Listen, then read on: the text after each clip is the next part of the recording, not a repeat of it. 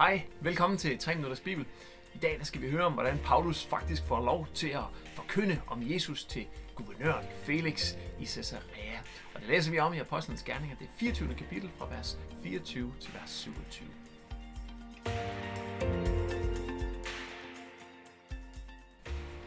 Paulus forkynder om Jesus for Felix og Drusilla. Felix tog på en kort rejse og kom tilbage nogle dage senere sammen med sin kone Drusilla, der var jøde. Så sendte han bud efter Paulus, hvor de begge kunne høre ham tale om troen på Jesus som Messias. Men da Paulus begyndte at tale til dem om, hvordan man bliver accepteret af Gud, om afholdenhed og om den dom, der kommer en gang, blev Felix ubehageligt berørt. Lad det være nok for denne gang, sagde han. Du kan godt gå nu. Når jeg en dag får tid, sender jeg bud efter dig igen. Han håbede på at kunne presse penge af Paulus og sendte af den grund ofte bud efter ham for at tale med ham.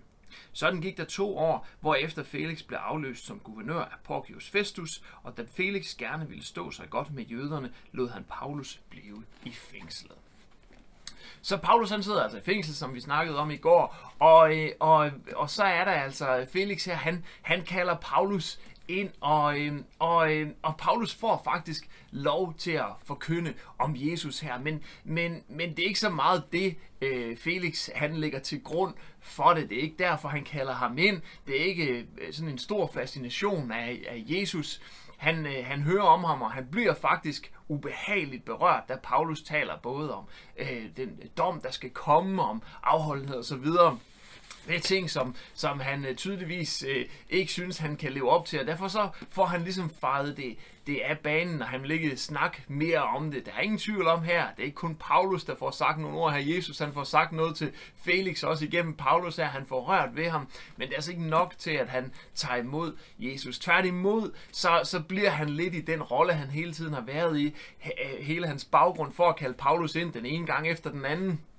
Det er simpelthen, at han tror, at han kan presse nogle penge ud af Paulus. Og det tror han nok, fordi at Paulus jo selv har nævnt, at han har rejst rundt og samlet en gave ind, som han har taget med tilbage til Jerusalem. Så han tænker, han må kunne skaffe nogle flere penge, den her mand, og så kunne han jo få lov til at bestikke sig ud af fængslet. Der er ingen tvivl om, at Paulus godt har vidst, at det har været en mulighed. Der er heller ingen tvivl om, at det har Paulus slet ikke set som en mulighed, eller det ville han på ingen måde gøre. Øh, og, øh, og Felix har nok ikke sagt det direkte, men det var hans håb, at det ville komme op i en af, et af alle de her møder her. Og samtidig var de her møder jo også måske en, en måde at holde Paulus lidt beskæftiget, og lidt fra at blive alt for utilfreds med sin situation der, som, som fange igennem øh, flere eller igennem et par år.